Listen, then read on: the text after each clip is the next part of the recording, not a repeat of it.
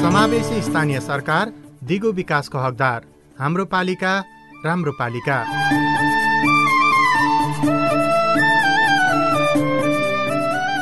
नमस्कार। रेडियो कार्यक्रम हाम्रो पालिकामा तपाईँलाई स्वागत छ। म उषा तामाङ। अनि म दीपक आचार्य। सिआइएन मार्फत सामुदायिक रेडियोहरूबाट देशैभरि सिआइएन खबर डट कम र मोबाइल एप सिआइएनमा पनि चाहेको बेलामा विश्वभरि नै हाम्रो पालिका सुन्न सकिन्छ। अस्ट्रेलिया सरकार र द एसिया फाउन्डेशनको साझेदारीमा सञ्चालित स्थानीय सरकार सबलीकरण कार्यक्रम अन्तर्गत तयार पारिएको यो रेडियो कार्यक्रम हाम्रो पालिका सीआईएनले उत्पादन तथा प्रसारण गरिरहेको छ। कार्यक्रम मुख्यत सात प्रदेशका सात नगरपालिकामा केन्द्रित हुँदै आएको छ। निश्चित नगरपालिकामा केन्द्रित भए पनि विषय भने अरू स्थानीय तह नागरिक सरकारवाला निकायका लागि पनि प्रेरणा सूचना र जानकारीमूलक बनाउने कोसिस गर्दै आएका छौं। स्थानीय सरकारले गरेका वित्त व्यवस्थापन सूचनाको हक कार्यान्वयन नागरिकको समृद्धि र सजिलोका लागि भए गरेका राम्रा अभ्यास र सुधार गर्नुपर्ने पक्षका बारेमा कार्यक्रम हाम्रो पालिकामा विभिन्न सामग्री सुन्नुहुनेछ।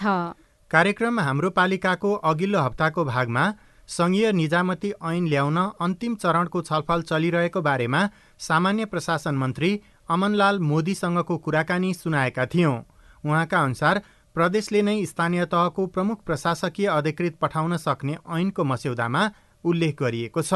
बाझिएका कानून संशोधन र नयाँ कानून निर्माणका लागि स्थानीय तहले गरिरहेको तयारीका बारेमा विभिन्न पालिकासँग सम्बन्धित रिपोर्ट प्रसारण गरेका थियौं। स्थानीय तहलाई कानून निर्माणमा कुनै छेकबार नभए पनि संघ र प्रदेशको कानूनसँग बाजिन नहुने संवैधानिक व्यवस्था छ। कार्यक्रम हाम्रो पालिकाको आजको अङ्कमा टुक्रिए आयोजनामा बजेट नहाल्ने टिकापुर नगरपालिकाको रणनीतिक योजना। खालि छडे जस्तै हुन्छ बजेटलाई व्यवस्थित हुँदैन भनेर चाहिँ पाँच लाख भन्दा माथिको योजना बनाउनु पर्छ भनेर त्यो योजनामा हामी लागेका छौँ र नीतिगत निर्णय पनि हामी त्यसरी नै अगाडि बढाएका छौँ। राजस्व उठाउन भइरहेको समस्या र समाधान? घर जग्गा रजिस्ट्रेसनतर्फ सोह्र करोड अनुमान गरिएकोमा चार करोड छ्यालिस लाख मात्रै अनुमान राजस्व आमदानी प्राप्त भएको छ। र पालिकामा बेरुजु रकम घटाउनका लागि ध्यान दिनुपर्ने कुरा। सभाले चाहिँ लेखा समिति गठन गर्ने व्यवस्था छ। तर समस्या कहाँ छ भने अहिलेसम्म त्यो चौहत्तरमा ऐन आए पनि त्यसको अन्तर्गत नियमावलीहरू बनेको छैन आर्थिक तथा प्रशासनिक सुधारका लागि महालेखा परीक्षकको कार्यालयले दिएको सुझाव कार्यान्वयनको अवस्थाका बारेमा आजको कार्यक्रम हाम्रो पालिका केन्द्रित हुनेछ। ल कान्छा यतिका दिन जे भयो भयो। अब दाई दिदीबहिनीहरूसँग रिस नराखेस् है। कान्छा दाईले मात्र होइन क्या आमा? मेलमिलाप भइसकेपछि अब कसैले मनमिलो बनाउनु भएन। तपाईँहरूले नै रोजेका मेलमिलापकर्ता राखेर जग्गाको साँच सिमाना बारेको नौ वर्षदेखिको विवादमा मेलमिलाप भयो। योभन्दा खुसीको कुरा हामी मेलमिलापकर्ताको लागि के हुन्छ र? मेलमिलापकर्ता बाबु हामी दुई भाइ बीचको झगडालाई यति सजिलै चाँडै मिलाइदिनु भएकोमा तपाईँलाई मुरी मुरी धन्यवाद छ। मैले यो मेलमिलाप केन्द्र भन्ने त अलि पहिले नै सुनेको थिएँ क्या बाबु। मन माझामाझ गरेर दुवै पक्षले जित्ने गरी पो कुरा मिलाउनु हुने रहेछ। कस्तो राम्रो। मनमुटाप गर्नेहरूलाई अबदेखि यो मेलमिलाप केन्द्रमै जाऊ भन्छु म चाहिँ। सुन्नुहोस् आमा। सरकारी सामुदायिक र सार्वजनिक बाहेक जग्गा सम्बन्धी विवाद गाली बेजती लुटपिट सहित विभिन्न एघार प्रकारका विवाद हरेक वडामा रहेका मेलमिलाप केन्द्रबाट मिलापत्र गराउन सकिन्छ नि आमा। कस्तो राम्रो। अनि हरेक वडामा यस्ता मेलमिलाप केन्द्र छन् त बाबु। छन् नि आमा किन नहुनु? कुनै कुनै वडामा दुई वा त्यसभन्दा धेरै पनि छन्। विवादका पक्ष र विपक्षका व्यक्तिले चाहेको मेलिपलाप केन्द्रबाट निकास खोज्न सकिन्छ। वडाको मेलिपलाप केन्द्रबाट विवाद समाधान भएन भने नि आमा। हजुर। पालिकाको न्यायिक समितिले पनि विवाद समाधानका लागि छलफल गराउन सक्छ। आहा यति भएपछि त गाउँघरको झगडा गाउँमै हाँसी खुसीका साथ मिल्ने भइहाल्यो नि होइन त? हो नि आमा। अस्ट्रेलिया सरकार र द एसिया फाउन्डेसनको साझेदारीमा सञ्चालित स्थानीय सरकार सबलीकरण कार्यक्रम र अकोराब नेपाल। स्थानीय तहले वित्तीय स्रोतको सुनिश्चित भएपछि मात्रै निर्माण गरिएका योजना कार्यान्वयनमा प्रभावकारी हुन्छन् र त्यसबाट अपेक्षित उपलब्धि पनि हासिल गर्न सकिन्छ। उपलब्ध हुन सक्ने सम्भाव्य स्रोतको आङ्कलन तथा विश्लेषण गर्दा आन्तरिक र बाह्य स्रोतबाट प्राप्त हुन सक्ने आयका अतिरिक्त निजी गैर सरकारी सहकारी र समुदाय लगायतका सबै सरोकारवालाबाट लगानी हुन सक्ने स्रोत समेतको आङ्कलन गरी योजनामा उपलब्ध हुन सक्ने कुल स्रोतको प्रक्षेपण गर्नुपर्दछ।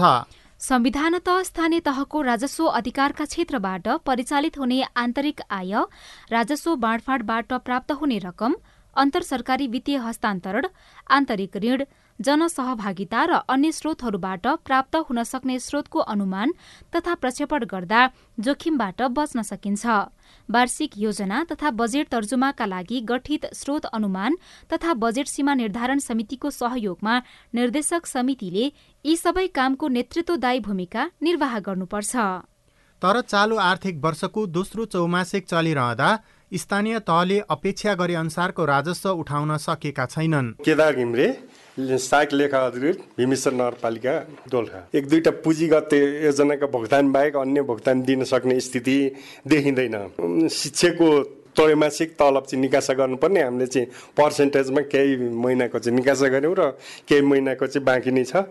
त्यस्तो छ र अन्य प्रशासन खर्चको त भुक्तान दिनै सकेका छैनौँ। समस्याहरू चाहिँ के कारणले भएको? लक्ष्य अनुसारको राजस्व आइरहेको छैन र नेपाल सरकारबाट निकासा हुने सङ्घीय अनुदान पनि आइरहेको छैन भने जति त्यसले गर्दा चाहिँ अप्ठ्यारो भइरहेछ र हाम्रो राजस्व बाँडफाँडबाट चाहिँ जति लक्ष्य गरेको थियो त्यो पनि नेपाल सरकारबाटै आउने सङ्घीय र प्रदेश सरकारबाट आउने त्यो बजेट पर्याप्त मात्रामा निकासा भइरहेको छैन र हाम्रो आन्तरिक आय पनि लक्ष्य अनुसार उठिरहेको छैन। तिनै कारणहरूले गर्दा। अब जस्तो योजना भुक्तानीमै पनि समस्या भइरहेको अवस्थामा यसमा चाहिँ नगरपालिकाले चाहिँ के गरिरहेको छ?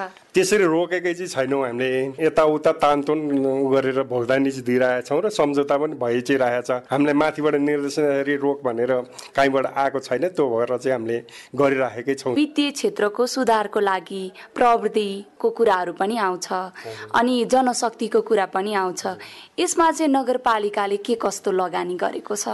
यो रासु सफ्टवेयरहरू युज गरिराखेको छ प्रत्येक वडामा चाहिँ हामी अनलाइनबाट सङ्कलन गर्छौँ। अन्य ऊ पनि विभिन्न सफ्टवेयरहरू प्रयोग गरेका छौँ। फाइदा त धेरै छ होइन? त्यसमा चाहिँ छिटो छरितो जनतालाई पनि सेवा हुने र यथार्थ आम्दानीको चाहिँ देखिने अनलाइन प्रविधिबाट पारदर्शी हुने देखिन्छ। आवधिक योजनाको समष्टिगत लक्ष्य तथा उद्देश्य प्राप्त गर्न निर्धारित रणनीति तथा कार्यनीति अनुसार कार्यक्रम सञ्चालन गर्न स्थानीय विशेषता आवश्यकता र प्रमुख कार्यक्रम सञ्चालन कार्यबोजको आधारमा संगठन प्रस्ताव तयारी तथा जनशक्तिको प्रक्षेपण गर्नुपर्ने योजना तर्जुमा दिग्दर्शनले भनेको छ। तर कतिपय स्थानीय तहले बजेटको धेरै रकम प्रशासनिक काममा खर्च गरेको खबर पनि आइरहेको छ। राजस्व बढाउनु पर्ने जिम्मेवारी र चुनौतीका बीच झापाको दमक नगरपालिकाले प्रशासकीय खर्चको व्यवस्थापनमा पनि ध्यान दिएको दावी गरेको छ।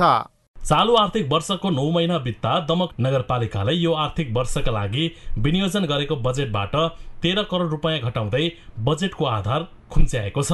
लेखाधिकृत देवी प्रसाद कोइराला। आर्थिक वर्ष उनासी अस्सीको लागि चालु खर्च बाइस करोड एकासी लाख अनुमान गरेकोमा हालसम्म चौध करोड बाइस लाख खर्च भएर बैसठी पोइन्ट छत्तिस प्रतिशत चाहिँ खर्च भइसकेको छ भने बाँकी खर्च हुन रहेको छ। सङ्घीय सरकार र प्रदेश सरकारबाट पाउने राजस्व बाँडफाँड नै समयमा नआएपछि त्यसको असर पनि पालिकामा परेको छ। पालिकाले वर्षेनी झन्डै डेढ अर्ब बराबरको बजेट ल्याउँछ। त्यसमध्येमा प्रशासनिक खर्चतर्फ बाइस करोड रकम छुट्याउने गरिएको छ। फेरि लेखा अधिकृत देवी प्रसाद कोइराला।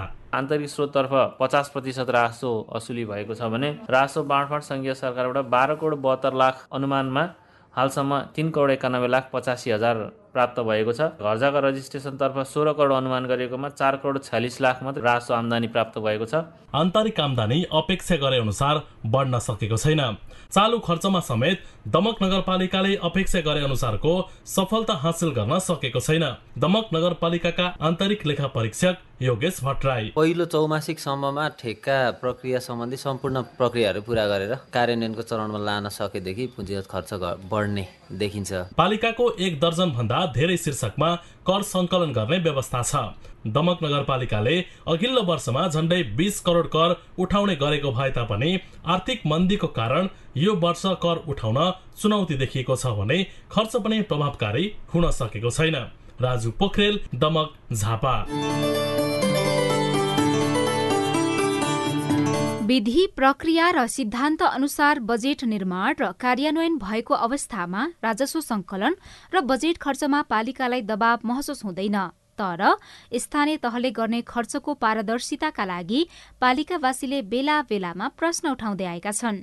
यसमा धनुषाको मिथिला नगरपालिकाको अनुभव कस्तो छ त? एकैछिन लेखा अधिकृत गणेश भण्डारीको कुरा सुनौ। पहिले एउटा सूत्र सफ्टवेयर हामीले परिचालन गरिरहेको थियौँ। त्यो सूत्र सफ्टवेयरले चाहिँ हाम्रो खालि खर्चलाई मात्र व्यवस्थापन गर्थ्यो। अहिले त्यसलाई चाहिँ परिमार्जन भएर चाहिँ त्यसले बजेट अख्तियारी राजस्व सञ्चित कोष विनियोजन तलबी धरौटी खरिद व्यवस्थापन वार्षिक प्रतिवेदन अनुगमन र हिसाब मिलान सम्बन्धी कार्यहरू गर्दै आएको छ।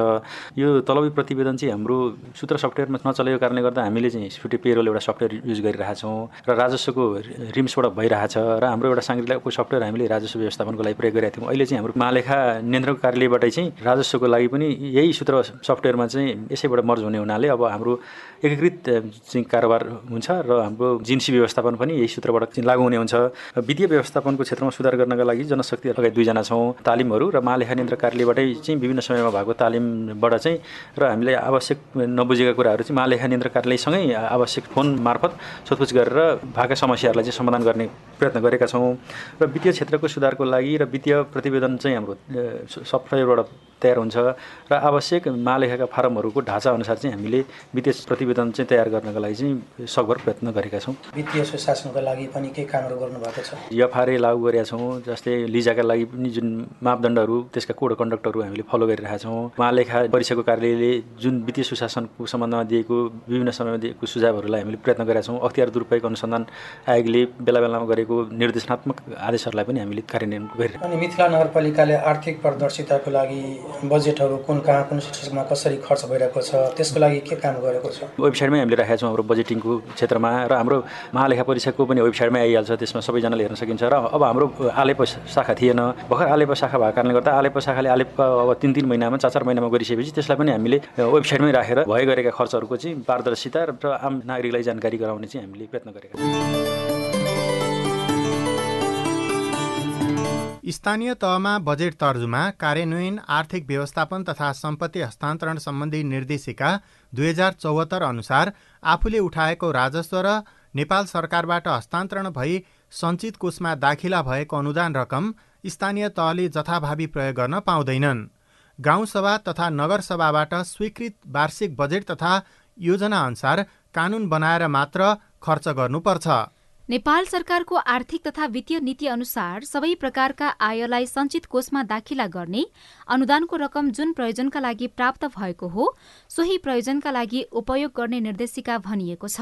त्यसअनुसार खर्च भएको वा नभएको बारेमा स्याङ्जाको वालिङ नगरवासीको विचार सुनौ। म प्रकाश अर्याल वालिङ नगरपालिका वार्ड नम्बर आठ र आर्थिक अभियन्ताको रूपमा मैले काम गरिरहेको छु। उच्च पारदर्शिता देखिँदैन अन्तर खाता भुक्तानी जति बेलासम्म आरटिजिएस अथवा डिजिटाइजेसन हुँदैन खर्च पारदर्शिता पूर्ण हुन्छ भन्नेमा मलाई विश्वास लाग्दैन। दुर्गा नेउपाने वालिङ नगरपालिका वार्ड नम्बर आठ मेरो पेसा चाहिँ उद्यमी महिला म। जनता र जनप्रतिनिधिहरू बीच र कर्मचारीहरू बीच चाहिँ समन्वय भएरै काम यहाँको विकासका निर्माणका काम र अन्य सङ्घ संस्थाको काम गर्ने हुँदाखेरि आर्थिक हिनाबिना भएको त्यस्तो नराम्रो हामीले अहिलेसम्म वालिङ नगरपालिकाको हकमा देखिएको छैन। नासिर खाँ वालिङ नगरपालिका वडा नम्बर आठ। यो जति पनि यहाँबाट उठेको राजस्वलाई जहाँ जहाँ खर्च गरिन्छ यो भए तिन महिनामा नभए छ महिनामा नभए वर्ष दिनमा एउटा सार्वजनिक सुनवाई गरेर पत्रकार मिडिया कर्मीहरूलाई बोलाएर यसको चाहिँ यहाँका जनताहरूले एउटा पारदर्शी रूपले हेर्न र सुन्न पाउनु पर्छ भन्ने मेरो एउटा वालिङ नगरपालिकासँग मेरो अनुरोध हो। कार्यक्रममा अब टुक्रे आयोजना घटाउने पालिकाको रणनीतिका कुरा। साना साना लगानी लाग्ने काममा पनि पालिकाले हात हाल्नु सम्बन्धित क्षेत्रका नागरिकका लागि केही सुविधा वा राहत होला। तर वित्त व्यवस्थापन चुस्त दुरुस्त राख्ने सन्दर्भमा यो राम्रो अभ्यास नभएको महालेखा परीक्षकको कार्यालयले भन्दै आएको छ। टुक्रा टुक्री आयोजनामा स्थानीय तहले ध्यान दिन नहुने हरेक वर्ष महालेखाको प्रतिवेदनमा औल्याउने गरिएको विषयलाई ध्यान दिँदै कैलालीको टिकापुर नगरपालिकाले नीतिगत रूपमै व्यवस्था गरेको छ। उसले पाँच लाख भन्दा कमका योजनामा बजेट नदिने नीति लिएको छ। नगरपालिकाले भौतिक पूर्वाधार तर्फका योजना बनाउँदा पाँच लाख भन्दा माथिको हुनुपर्ने नीतिगत निर्णय आर्थिक वर्ष दुई हजार पचहत्तर छयत्तरमा गरेको हो। अहिले त्यही निर्णयको आधारमा नगरपालिका अगाडि बढिरहेको छ। टिकापुर नगरपालिकाका प्रमुख रामलाल डङ्गौरा थारू। पाँच लाख भन्दा तल बनायो भने त्यो खालि छडे जस्तै हुन्छ बजेटलाई व्यवस्थित हुँदैन। भनेर चाहिँ पाँच लाख भन्दा माथिको योजना बनाउनु पर्छ भनेर त्यो योजनामा हामी लागेका छौँ र नीतिगत निर्णय पनि हामी त्यसरी नै अगाडि बढाएका छौँ। र प्रत्येक वाडामा एक एक गौरवको योजनाहरूलाई हामी अगाडि राखेका छौँ। यसभन्दा पहिले पच्चिस हजार पचास हजार एक लाख दुई लाख रुपियाँसम्मका आयोजना तथा योजनाहरू नगरपालिकाले सञ्चालन गर्दै आएको थियो तर अहिले कमी आए पनि पुरै रोक्नका लागि अझै समस्या छ। वडा नम्बर आठका वडा अध्यक्ष दीर्घबहादुर ठकुल्ला। पाँच लाखको एउटै योजना नहुने अब गाउँमा सानसाना गल्लीहरू सानसाना बाटाहरू सानसानो खाल्टाखुल्टीहरू सानसानो मर्मतको कुरा सानसानो योजनाहरू आवश्यकता पर्ने तिस हजार पचास हजार एक लाख डेढ लाखले पनि सम्पन्न हुने योजना भए तिन चार ठाउँको एकै ठाउँमा जोडेर हाल्दा त्यो योजनाको नाम पनि लामो हुन थाल्यो र फरक फरक ठाउँमा पर्न थाल्यो। त्यो पनि कार्यान्वयन गर्न असजिलो भयो। त्यो साना योजनामा जाँदा फेरि सानो बजेट चाहिँ छुट्याउनै पर्ने देखिएकोले यी दुई तिनवटा समस्याहरूले गर्दा फेरि हामी टुक्री योजनातिर अगाडि बढ्यौँ। नागरिकका माग तथा अपेक्षा धेरै र नगरपालिकाको स्रोत साधन कम भएको अवस्थामा साना आयोजना बनाएर कार्यान्वयन गर्नुपर्ने अवस्था आएको जनप्रतिनिधि तर्क गर्छन्। पालिकाले साना आयोजनाका काम गर्दा वा नगर्दाको प्रभाव के हुन्छ? टिकापुर नगरपालिकाका लेखा अधिकृत लक्ष्मी ओड। ठुलो आयोजनाको पेमेन्ट गर्दाखेरि करको हिसाब निकाल्दाखेरि मूल्यवधि कर र हाम्रो चाहिँ अग्रिम आय करको मात्रै करहरू गर्नुपर्ने अनि बाँकी चाहिँ पेमेन्ट गर्नुपर्ने। र सानो उपभोक्ता समिति जस्तो सामान्य भनौँ हाम्रो चाहिँ ग्रुपहरूलाई दिँदाखेरिको पेमेन्टमा एउटै भुक्तानीको लागि दुई तिन किसिमको करहरूको हिसाब निकाल्नुपर्ने सँगसँगै बिलहरू जोड्नुपर्ने त्यसपछि त्यो जोड्दाखेरि कुनै बिलहरू चाहिँ सानो भएको हुन्छ त्यो चाहिँ छुट्ने त्रुटिहरू हुन सक्ने भएकोले जहाँसम्म लेखाको शुद्ध शुद्धिबाट त्रुटिहरूलाई मिनिमाइज गर्नको लागि साना भन्दा ठुलो आयोजनामा दिने पेमेन्टमा चाहिँ सहज भएको समयका हिसाबले त्यसै गरी शुद्ध शुद्धिका हिसाबले त्यो चाहिँ एकदमै हामीलाई चाहिँ सहज हुन्छ। वैशाखमा भएको निर्वाचनबाट जनप्रतिनिधि आउँदा योजना छनौट प्रक्रियामा ढिला भइसकेको थियो भने कतिपय जनप्रतिनिधिले मतदातालाई निराश बनाउन चाहेनन्। यसकारण पनि चालु आर्थिक वर्षमा स्थानीय तहले टुक्रे योजना रोक्न नसकेको तर अर्को वर्षको योजना बनाउँदा ध्यान दिनुपर्ने विज्ञहरूले सुझाव दिने गरेका छन्। Ishwar Saud CIN Tikapur FM Kailali. तपाईँ यति बेला रेडियो कार्यक्रम हाम्रो पालिका सुन्दै हुनुहुन्छ। सामुदायिक सूचना नेटवर्क सिआइएनले उत्पादन तथा प्रसारण गरिरहेको कार्यक्रम हाम्रो पालिकाको आजको अङ्कमा आर्थिक तथा प्रशासनिक सुधारका लागि महालेखा परीक्षकको कार्यालयले दिएको सुझाव त्यसको कार्यान्वयनको अवस्थाको बारेमा चर्चा गरिरहेका छौँ। तपाईँको स्थानीय तहले गरेको काम कारवाही तपाईँलाई कस्तो लागिरहेको छ? सुनाउन मन छ भने शून्य एक बाहन्न साठी छ चार छमा फोन गरेर आफ्नो कुरा राख्न सक्नुहुन्छ। स्थानीय तहको काम कारवाहीको बारेमा साझा खबर एट जिमेल डट कम हाम्रो फेसबुक पेज सिआइएन खबर Twitter handle at the rate CIN खबरमा पनि लेख्न सक्नुहुनेछ।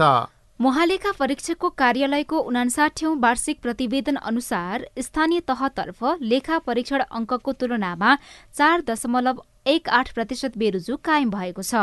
जसमा सबैभन्दा बढी महोत्तरी जिल्लाको पिपरा गाउँपालिकामा तेइस दशमलव आठ सात प्रतिशत र सबैभन्दा घटी ताप्लेजुङको सिरिजङ्गा गाउँपालिका र प्युठानको मल्ल रानी र सरुवा रानी गाउँपालिकाको बेरुजु शून्य रहेको छ। पाँच प्रतिशत भन्दा कम बेरुजु हुने पाँच सय तेत्तिस पाँचदेखि पन्ध्र प्रतिशतसम्म बेरुजु हुने एक सय त्रियानब्बे र पन्ध्र प्रतिशतभन्दा धेरै बेरुजु हुने स्थानीय तहको सङ्ख्या अठार रहेको छ। स्थानीय तहले बेरुजुको रकम र दिएको सुझाव कार्यान्वयनका लागि के कुरामा ध्यान दिनुपर्छ? हामीले महालेखा परीक्षकको कार्यालयका प्रवक्ता नायब महालेखा परीक्षक रविन्द्र प्रसाद देवकोटासँग कुराकानी गरेका छौँ। अब यो स्थानीय तहको पाँच वर्षको कार्यकाल समाप्त भइसकेको छ। र दोस्रो कार्यकालको पनि पहिलो वर्ष अहिले चलिरहेको छ। अघिल्लो कार्यकालको अन्तिम वर्षको लेखा परीक्षण सम्पन्न गरेर प्रतिवेदन अन्तिम प्रतिवेदन दिने तयारीमा छौँ। सतहत्तर अघिल्लो वर्षको अन्तिमसम्मको हाम्रो लेखा परीक्षण गरेर हामीले प्रतिवेदन बुझाइसकेका छौँ। सामान्य राष्ट्रपतिज्यू मार्फत यो संसदमा गइसकेको छ। त्यसमा अब स्थानीय तहमा केही समस्याहरू देखिया छन्। बेरुजुको स्थिति अलि भयावह नै छ। सुधार्नुपर्ने विषयहरू धेरै छन्। साधन स्रोत स्थानीय तहमा एकदम प्रशस्त गएको छ। त्यो साधन स्रोतलाई उपयोग गर्न सक्ने त्यहाँ जनशक्तिको अलिकति अभाव सङ्ख्यामा पनि अभाव अथवा सबै पदहरू पूर्ति नभएको र जति जनशक्ति छ त्यो पनि अलि दक्ष दक्ष जनशक्ति नभएको। तालिम दिनुपर्ने अब सिकाउनु पर्ने जान्नुपर्ने विषयहरू धेरै छन्। त्यहाँ धेरै कमी कमजोरीहरू स्थानीय तहमा भएका छन्। बेरोजु बढ्नुमा जनशक्तिको अभाव कारण हो कि? अथवा कोही जनप्रतिनिधि अथवा कर्मचारीको नियत बदनियतले गर्दा यस्तो स्थिति देखिराखेको पाउनुहुन्छ? बेरोजु बढ्नुमा अब त धेरै एउटै मात्रै कारण भन्ने हुँदैन। धेरै कारण हुन्छ। सबभन्दा पहिलो कारण भनेको त हाम्रा भइराखेका अहिलेका विद्यमान जुन कानुन छ त्यो कानुन भन्दा अलिकति अब बाहिर जाने प्रवृत्ति नियमहरूको नर्म्स स्ट्यान्डर्ड कार्यविधिहरूको चाहिँ पालना नगरिकन अलिकति त्योभन्दा बाहिर जाने प्रवृत्ति। केही चाहिँ जनप्रतिनिधिहरूलाई उहाँहरूलाई चाहिँ तत्काल उहाँहरू रिजल्ट खोज्ने त्यो राम्रै पनि हो तर त्यसो गर्दैमा फेरि हाम्रो कानुनी प्रक्रियाहरू अलिकति इग्नोर गर्न पनि मिसिन पनि नहुने अवस्था।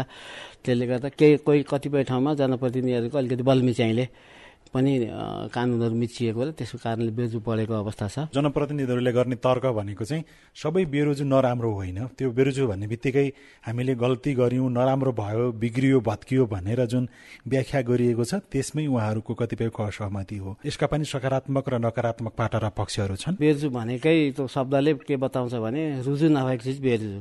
रुजु केमा भएन भन्दाखेरि सम्बन्धित कानुन अनुसार रुजु भएन कार्यक्रम अनुसार रुजु भएन बजेट अनुसार रुजु भएन। र जे गर्नुपर्ने थियो त्योभन्दा अलिकति फरक गरियो भने त्यो बेरुजु हो। र सबै बेरुजु भ्रष्टाचार पनि होइन कमी कमजोरी औँल्याउँछौँ त्यसैलाई हामी बेरुजु भन्ने गरेका छौँ। तर त्यसबाट के चाहिँ फेरि गर्न सकिन्छ भने त्यसको कारणले आगामी दिन सुधार्ने विषय के हो के कमजोरी छ र के सुधार्नुपर्ने छ भनेर एउटा मार्गदर्शन चाहिँ बेरुजुले दिन्छ। त्यसलाई त्यो हदमा सकारात्मक पनि भन्न सकियो। समग्रमा त बेरुजु बढेकै छ। तर फेरि यो स्थानीय तहको कुरा गर्दा के हो भने सात सय त्रिपन्नलाई सबैलाई एकै ठाउँमा राखेर बेज बढेको घटेको भन्नु हुँदैन। किनभने सात सय त्रिपन्न सबै सरकार अलग अलग सरकार हुन्। र उनीहरूलाई अलग अलग हिसाबले मूल्याङ्कन गर्नुपर्छ। कतिपय पनि कुनै पालिकाले त फेरि बेरोजु शून्यमा पनि झारेका छन्। एकदम शून्यमा पनि झारेका छन्। हामीले रिपोर्ट दिएपछि त्यसलाई एकदम अक्षरस पालना गरेर घटाउने प्रयासमा पनि कतिपय पालिका देखिन्छ। त्यसलाई हामीले चाहिँ नि राम्रो कुरा भन्नुपर्छ त्यसलाई सराहना पनि गर्नुपर्छ। कतिपय ठाउँमा त्यही कुराहरू परेको वर्ष दोहोरिराखेको छ। हामी भनिराखेका छौँ तर उहाँहरू चाहिँ गरिराख्नु भएको छ दोहोरिराखेको छ मालेपछिको तर्फबाट त प्रतिवेदनमा दिने नै विषय हो। र त्यसलाई उजागर गरिदिने। कहाँ के समस्या छ त्यसलाई उजागर गरिदिने हो। स्थानीय तहको हकमा कुरा गऱ्यो भने त्यसको पनि सबभन्दा माथिल्लो उच्चतम तह भनेको सम्बन्धित पालिकाको सभा नै हो। जसले बजेट कार्यक्रम बजेट स्वीकृत गर्छ कार्यक्रम स्वीकृत गर्छ कानुन बनाउँछ कुनै अनियमित छ भने त्यसलाई नियमित गर्छ त्यो सबै काम सभाकै काम हो। पठाइएको प्रतिवेदनको बारेमा छलफल चलाउने र थप कसरी सुधार्न सकिन्छ भन्ने छलफल गर्ने थलो पनि त्यही सभा नै होला। हो।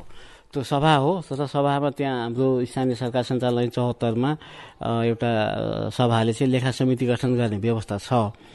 तर समस्या कहाँ छ भने अहिलेसम्म त्यो चौहत्तरमा ऐन आए पनि त्यसको अन्तर्गत नियमावलीहरू बनेका छैन। लेखा समिति सात सय त्रिपन्न मध्ये कहीँ पनि यो गठन नभएको त्यस्तो रिपोर्टिङ यहाँहरूलाई छ कि अथवा अनौपचारिक रूपमा केही अभ्यासहरू भएको पाइएको छ? होइन गठन भएको छ। सबै ठाउँमा भएको छैन। तर के हो भने त्यसलाई नियमावली कानुन बनाएर लेखा समिति गठन गरियो त्यो कति सदस्य हुनुपर्ने कस्ता व्यक्तिहरू त्यहाँ राख्ने र त्यसको म्यान्डेट के के हुने भन्ने कुरा चाहिँ ऐनमा स्पष्ट व्यवस्था गरेका छैन अवस्था छैन। त्यसलाई नियमावली व्यवस्था व्यवस्था गर्नुपर्ने हो अथवा धेरै ठाउँमा नियमावली नबनेको लेखा समिति पनि नबनेको सबै ठाउँ नबनेको होइन केही बनेको हुन्छ।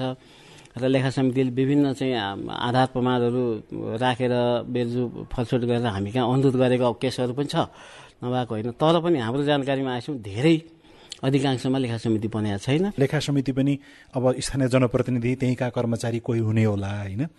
चाह्यो भने त उनीहरूले त्यो समिति गठन भएर पनि बेरोजु राख्न सक्ने अथवा त्यस्तो हुने सक्ने जोखिम कतिको रहन्छ। लेखा समिति भनेको पनि त्यही सभाबाटै गठन हुने हो। कानुनले परिकल्पना गरेको भनेकै सभा भनेको स्थानीय तहको उच्च निकाय हो र जे जति हो चाहिँ उसकै जिम्मा हो। बेरोजु हुने नहुने भएका चिजलाई फलछुट गर्ने असुल गर्नुपर्ने कारवाही गर्नुपर्ने त्यो उसकै जिम्मेवारी हो। र उसले नसकेको अवस्थामा अरू प्रशासनिक निकायहरूको सहयोग लिने अवस्था हुन्छ। उहाँले लिएर गर्नुपर्छ र गर्ने मुख्य दायित्व सभाकै हो र सभाले लेखा समिति गठन गरेका छन्। लेखा समितिले सिन्सियरली उहाँले लेखेको रिपोर्टलाई छलफल गरिदिनु पर्यो। त्यहाँ के कारवाही गर्नुपर्ने हो कसैसँग तिराउनु पर्ने हो असुल गर्नुपर्ने हो अथवा कसैले कानुन मिचेर कुनै कारवाही गर्नुपर्ने हो सचेत गराउनु पर्ने हो के दण्ड दिनुपर्ने हो अथवा राम्रो काम गरेर पुरस्कृत गर्ने हो त्यो कुरा चाहिँ लेखा समितिले सिफारिस गर्नु पर्यो स्थानीय तहहरूले जुन यो सानातिना योजनाहरूमा हात नराख्दा राम्रो हुन्छ भनेर पनि यो तपाईँहरूले त्यो सुझावको रूपमा लेखिराख्नु भएको हुन्छ होइन? के के हो कुरा? बेरोजु बढ्ने कारण अहिले हामीले भनौँ त्यो मध्ये एउटा कारण के पनि हो भने आयोजनाहरू असाध्यै धेरै एकदमै सानो स्केलमा छरिएको हुने त्यसको चाहिँ उपलब्धि चाहिँ नदेखिने। त्यो काम भएकै हो भने पनि उपलब्धि देखिन सकिन जस्तो तपाईँ एक लाख रुपियाँ कुनै सडक आयोजना भने विनियोजन गर्नुहुन्छ भने एक लाख त कुनै संरचना त बन्दैन। सामान्य चाहिँ ढुङ्गा माटो केही काम गर्नुहुन्छ होला तर त्यो एक वर्षपछि गयो भने त त्यो त नाम निशान फेरि रहँदैन। त्यसले गर्दा के हुन्छ भने जब छरिएर चाहिँ ससाना इकाइमा बजेट छरिन्छ अनि अलिकति उपलब्धिमूलक हुने काम हुने सम्भावना न्यून हुन्छ। त्यसमा सुधार ल्याउनको लागि यहाँको सुझाव के हो? जनप्रतिनिधिहरू पाँच वर्षको लागि आउनुहुन्छ। होइन निर्वाचित भएर पाँच वर्ष आउनुहुन्छ उहाँहरूले पाँच वर्षको योजना बनाउनु पऱ्यो क्या। आउने बित्तिकै म यो पहिलो वर्ष यो गर्छु दोस्रो यो तेस्रो यो चौथो यो भनेर सबै कुरा अहिले जति चाहिँ हाम्रा चाहिँ सयौँ वर्षदेखि चाहिँ थुप्रिएका समस्याहरू छन् मागहरू छ। त्यो सबै कुरा एकैचोटि गर्छु भन्दाखेरि त्यो सकिन्न सम्भव छैन। त्यसकारण उहाँले एउटा योजनाबद्ध किसिमले म पहिलो वर्ष दोस्रो तेस्रो चौथो पाँचौँ वर्षसम्म योजना बनाएर अलिकति उपलब्धिमूलक आर्थिक क्रियाकलाप बढ्ने प्रकृतिका टिक्नु पऱ्यो क्या। योजना आज पैसा खर्च गरेँ भोलि त्यसले कुनै रिजल्ट दिँदैन भने त्यस्तोमा लगानी गर्नु भएन। त्यो बारेमा त जनप्रतिनिधिहरू उहाँलाई चाहिँ सचेत हुनुपर्छ। उहाँहरूले चाहिँ यो काम गर्नुपर्छ। प्रदेश र सङ्घबाट जाने बजेट खर्चको अवस्थाको बारेमा के छ? स्थानीय तहमा राम्रै भइरहेका छ अभ्यास कि अथवा सुधार्नुपर्ने पक्षहरू केही छन्? सङ्घले प्रदेशले त स्थानीय तहलाई दिने भनेको सशर्त अनुदान हो। मुख्यत सशर्त अनुदान भनेको चाहिँ कार्यक्रम तोकेरै दिने हो। त्यसको लागि चाहिँ स्थानीय तहले गएर त्यसलाई आफैले विनियोजन गर्ने होइन। सङ्घीय सरकारले तपाईँ यो यो काम गर्नुहोस् यो यो क्रियाकलाप गर्नुहोस् यो आयोजना चाहिँ कार्यान्वयन गर्नु भने तोकेर दिएको अवस्था हुन्छ। त्यसमा चाहिँ उहाँले दायाँ बायाँ गरेर त्यसलाई त्यो रकमलाई अन्यथा लाने अवस्था हुँदैन र खर्च नभएको रकम उहाँले फेरि सङ्घमा फिर्ता पनि गर्नुपर्छ। तर पनि फेरि सङ्घबाट पनि अलिक ससाना कार्यक्रमहरू धेरै गइराखेको अवस्था छ। माग अनुसारको हो होइन भन्ने कुरामा पनि अलिकति तल्ल हाम्रो अडिटमा छलफलको क्रममा पनि यो हामीले माग गरेकै विषय होइन। सङ्घबाट आयो भन्ने टाइपको कुराहरू पनि केही आएका छन्। सङ्घ प्रदेशले पठाएकै आधारमा सबै आयोजना ठिक छन् भन्न त सकिन्न। तर मूलभूत रूपमा ती चाहिँ योजना तोकिएरै गएको हुनाले क्रियाकलाप तोकेरै गएको हुनाले त्यति दायाँ हुने अवस्था कम हुन्छ। ससाना आयोजना छरिएका पैसा चाहिँ फेरि सङ्घले पनि दिइरहेछ। एउटा प्रक्रिया छ स्थानीय तहले गर्ने खर्च सरकारी त्यो एउटा संयन्त्रमा राखिसकेपछि नियामक निकायले पनि यो भएको छ कि छैन भनेर हेर्ने अनि अरू विभिन्न तह र तब्काबाट पनि त्यसै अनुसारको काम हुने। तर यदि त्यहाँ केही बदमासी गर्नु पर्यो भने प्रक्रिया पुर्याएर गरिन्छ। महालेखा परीक्षाले हेर्ने पनि त्यही तथ्याङ्क हो। तथ्याङ्क राम्रो देखाउने बित्तिकै सबै चोखिन्छ भन्छन्। त्यो साँच्ची हो कि अथवा थप कडाई गर्ने तयारी यहाँहरूको अरू केही छ? त्यसमा निगरानी त स्वतः स्फूर्त जनताबाट पनि हुने कुरा हो। अब प्रक्रिया पुर्याएर भनेको हाम्रो अब लेखा परीक्षणले हामी हेर्दा त सुरुमा हामी प्रवेश गर्ने काग पेपरबाटै हो। तर हामी भ्याएसम्म फिल्ड पनि हेर्छौँ। कतिपय ठाउँमा प्रक्रिया पुगेको छ। खर्च लेखेको ठिकै देखिन्छ। पेपर हेर्दाखेरि साइटमा जाँदाखेरि स्थलगत रूपमा जाँदाखेरि काम नभएको अथवा भने जति काम नभएको व्यवहार पनि नदेखिया छैन देखिया छ त्यस्ता प्रशस्त व्यवहारहरू हाम्रो रिपोर्टमा देख्न सकिन्छ। स्थानीय तहमा लेखा समिति गठन संख्यात्मक रूपमा बढ्न सकेको छैन। केही पालिकाले लेखा समिति गठन गरेर बेरुजु घटाउनका लागि रणनीतिक योजनाका साथ काम गरिरहेका छन्। यसबीचमा महालेखा परीक्षकको कार्यालयले साठौं वार्षिक प्रतिवेदन एक हप्ताभित्रै सार्वजनिक गर्ने तयारी गरेको छ। राजस्व अपेक्षाकृत नउठ्दा पालिकाहरूलाई आगामी आर्थिक वर्षको बजेटको अनुमान तथा विश्लेषणमा अन्यलता सिर्जना भएको छ भने कतिपय पालिकाले प्रशासनिक खर्च घटाउने रणनीति अप्नाएका छन्। कैलालीको टिकापुर नगरपालिकाले पाँच लाखभन्दा माथिका आयोजनामा मात्र बजेट छुट्याउने रणनीति लिएको छ। यो नीति पूर्ण कार्यान्वयन भएमा टुक्रे आयोजनामा पालिकाको बजेट घट्ने र वित्त व्यवस्थापनमा सजिलो हुने अपेक्षा लिइएको छ। यिनै सार समेटिएका विभिन्न सामग्रीसँगै तपाईँ हाम्रै घर दैलोका स्थानीय सरकारको बारेमा छलफल गर्ने रेडियो कार्यक्रम हाम्रो पालिकाको आजको अङ्कबाट भने विदा लिने समय भएको छ।